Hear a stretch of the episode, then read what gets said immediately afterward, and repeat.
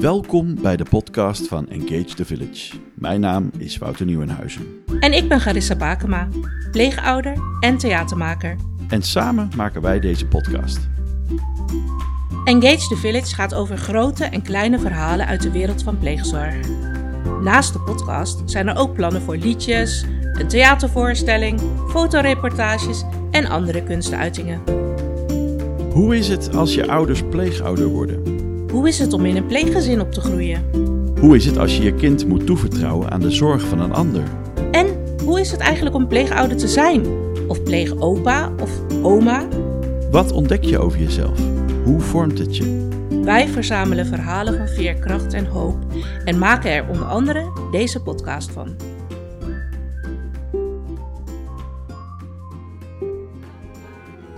Hoe zou je leven eruit zien zonder pleegmoeder of zussen? Ik zou me eigenlijk geen leven zonder hen voorstellen. Dus. We zijn inmiddels ruim een half jaar onderweg met Engage the Village.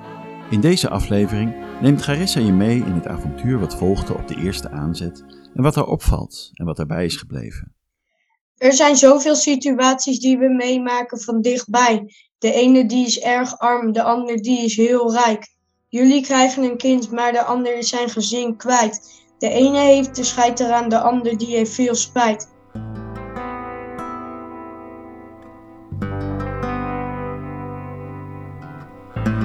Kopje thee wanneer je thuis komt. Wil jij er ook een koekje bij? Ze loopt stampend naar de gang. Ze doet haar jas uit. Ze zegt: Wiskunde, dat is niks voor mij. Doe de rugtas van je af. Ik ben theatermaker en pleegmoeder. Ik ben getrouwd met Egbert en onze pleegzoon woont inmiddels bijna zeven jaar bij ons. In 2019 maakte ik een fototentoonstelling over ons leven. Ik wilde dat een breder publiek zou zien hoe boeiend en bijzonder dat leven is en tegelijk hoe gewoon. Hoe moeilijk soms en hoe rijk uiteindelijk. Samen met Simone van der Meulen van Zo Gemaakt ontwierp ik de tentoonstelling. Ook leerde ik toen Henriette, Sylvia en Klaas-Jan van de organisatie Vitre kennen. Bij de opening raakten we in gesprek. Het was bijzonder om te merken dat er in de zaal zoveel hoop en ontroering en verbinding was en we verbaasden ons daarover. De verhalen, de foto's, de liedjes die gezongen werden, samen zorgden ze voor een sterke onderlinge betrokkenheid. En eigenlijk is dat het begin geweest van Engage the Village. Wat zou het geweldig zijn als we niet alleen ons leven als pleeggezin openbaar konden maken, maar veel meer verhalen om konden zetten in allerlei creatieve producten die voor een breder publiek toegankelijk zijn. Dat er liedjes, films en podcasts zouden komen waarin mensen konden luisteren naar al die kleine levensverhalen van mensen die met elkaar samenleven. Soms vanuit een hele bewuste keuze en soms omdat het ze gewoon overkwam. Welke kracht en veerkracht is er te vinden in de pleegzorgcommunity? En welk verhaal is belangrijk om te delen? Doe de rugtas van je af. Leg de boeken in de kast. We gaan op avontuur Midden in de coronacrisis gingen we aan de slag. Omdat we niet via live meetings konden werken, organiseerden we online meetings. We zijn begonnen met de eigen kinderen van pleegouders en gezinshuishouders. Als eerste maakten we twee podcasts met verhalen van jonge tieners en 18-plussers.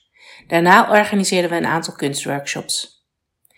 Jongeren tussen de 10 en 15 jaar schreven zich in voor songwriting, theater, tekenen en podcast maken.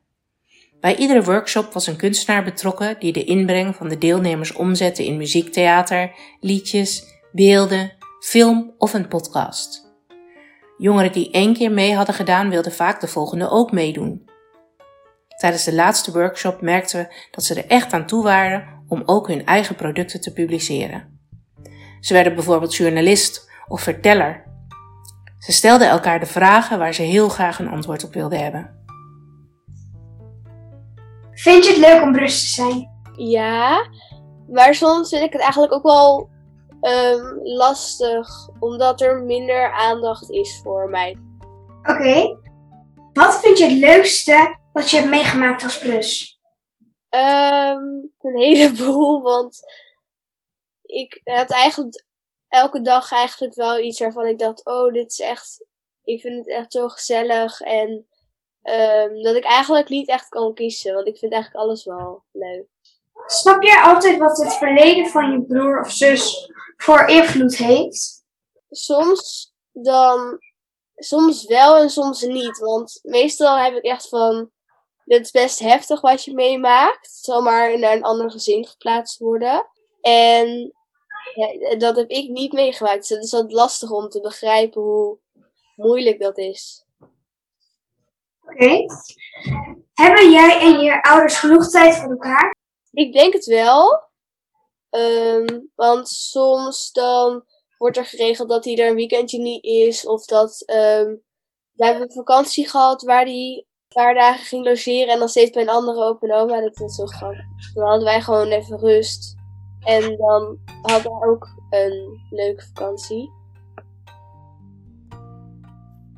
Ik vond het bijzonder dat Lise vroeg: Snap jij altijd wat het verleden van je pleegbroer of zus voor invloed heeft? En dat Lotte dan uit kan leggen dat je als je iets zelf niet hebt meegemaakt, het heel lastig kan zijn om te begrijpen hoe moeilijk dat is. Soms ben jij voor mij te veel en tijdens het gamen is het even stil. Eerst is het scherm blauw, dan is het geel. Het is altijd hetzelfde ritueel. Eerst zie ik een paar portalen, daarna zie ik meerdere spiralen. Nu zie ik bomen en hoor ik het water stromen. En nu mag mijn zusje komen.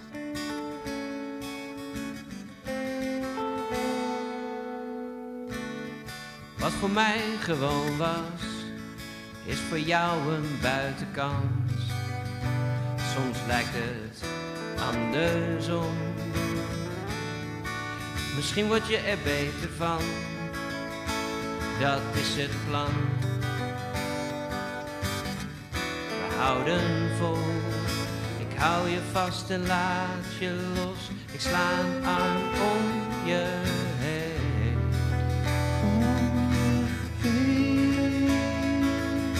Ik hou je vast en laat je los. Ik sla een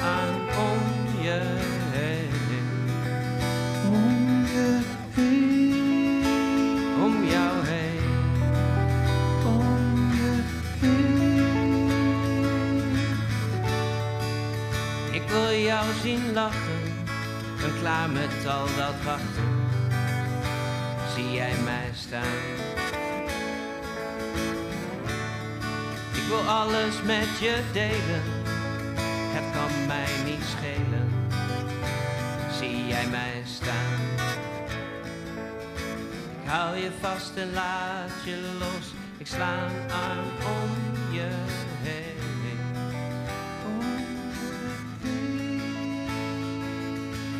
hou je vast en laat je los.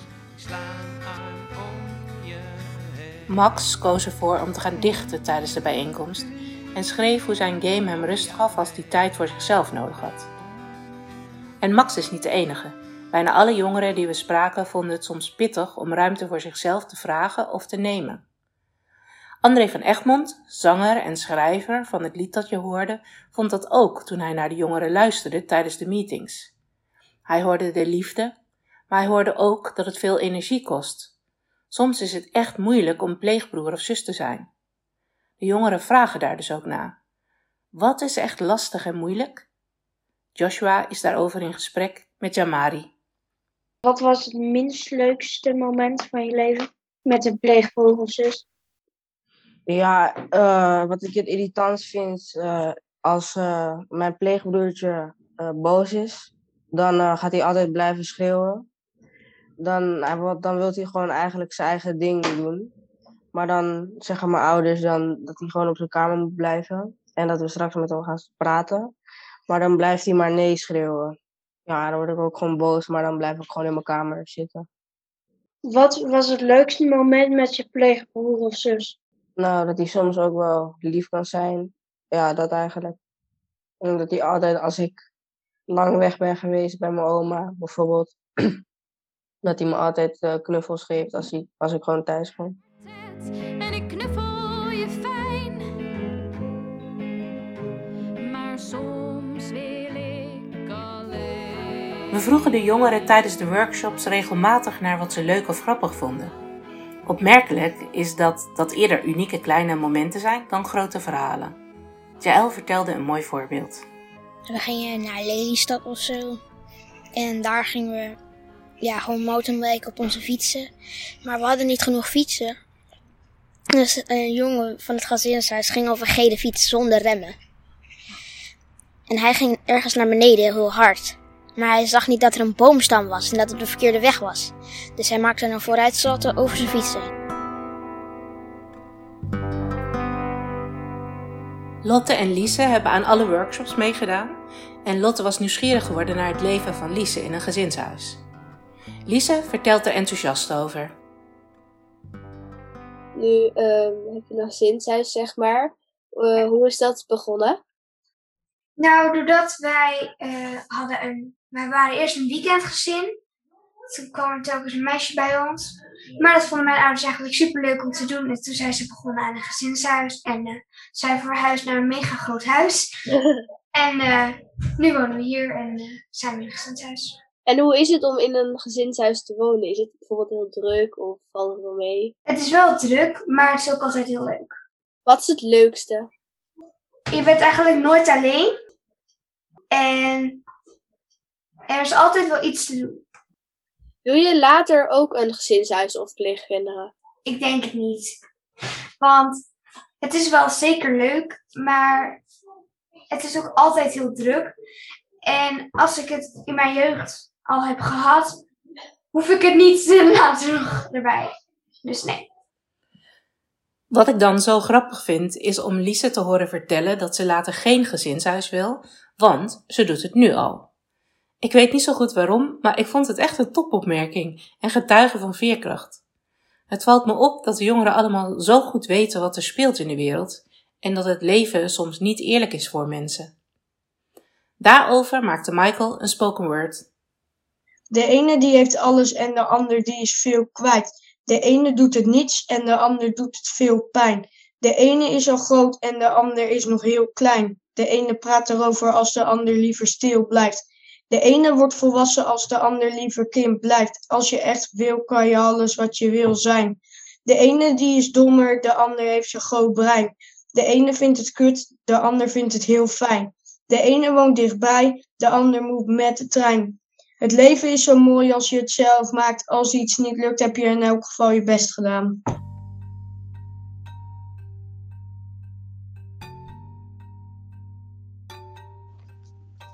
Nou, ehm, mijn pleegbroertjes, mijn pleegbroertje en mijn broertje en ik, die ehm, rennen altijd door het plein overal naartoe. En die zitten een beetje achter elkaar aan te schieten. En op de grond vallen en dat soort dingen. En ehm, daarom komt er ook heel veel pew pew in voor. Maar hier komt hij. Met z'n allen in de kamer. Pew pew. Liefde overal. Pew pew. Om de week. Pew pew.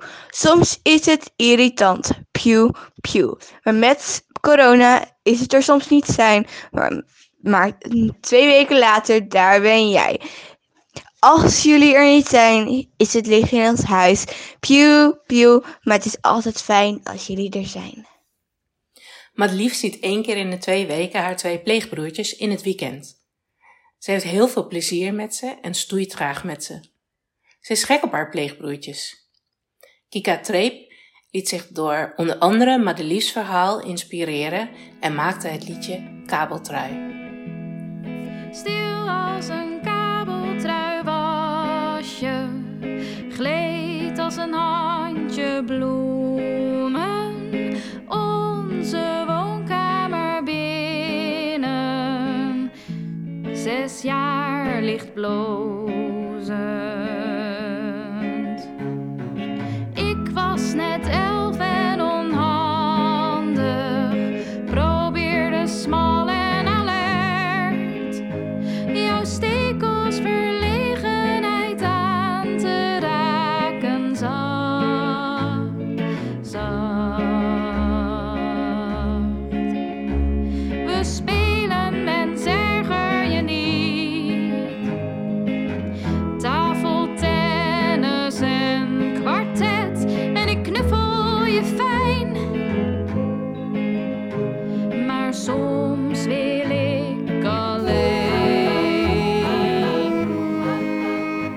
Bedankt voor het luisteren.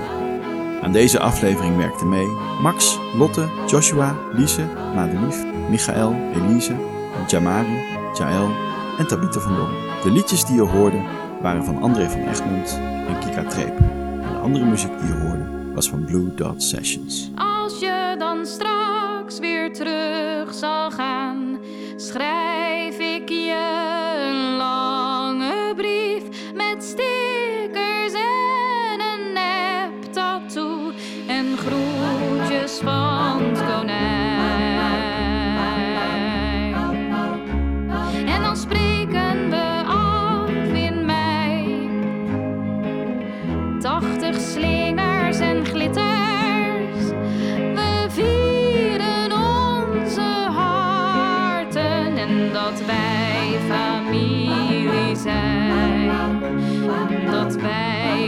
familie zijn.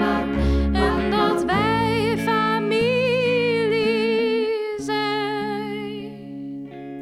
Deze aflevering is mede mogelijk gemaakt door Stichting Kinderpostzegels. Engage the Village is een initiatief van jeugdhulporganisatie Vitré en Broedgebied in samenwerking met verschillende kunstenaars.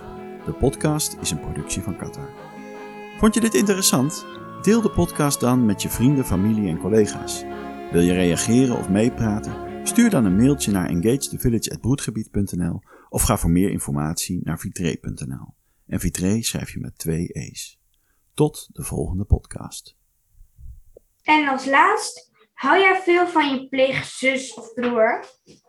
Ja, heel erg.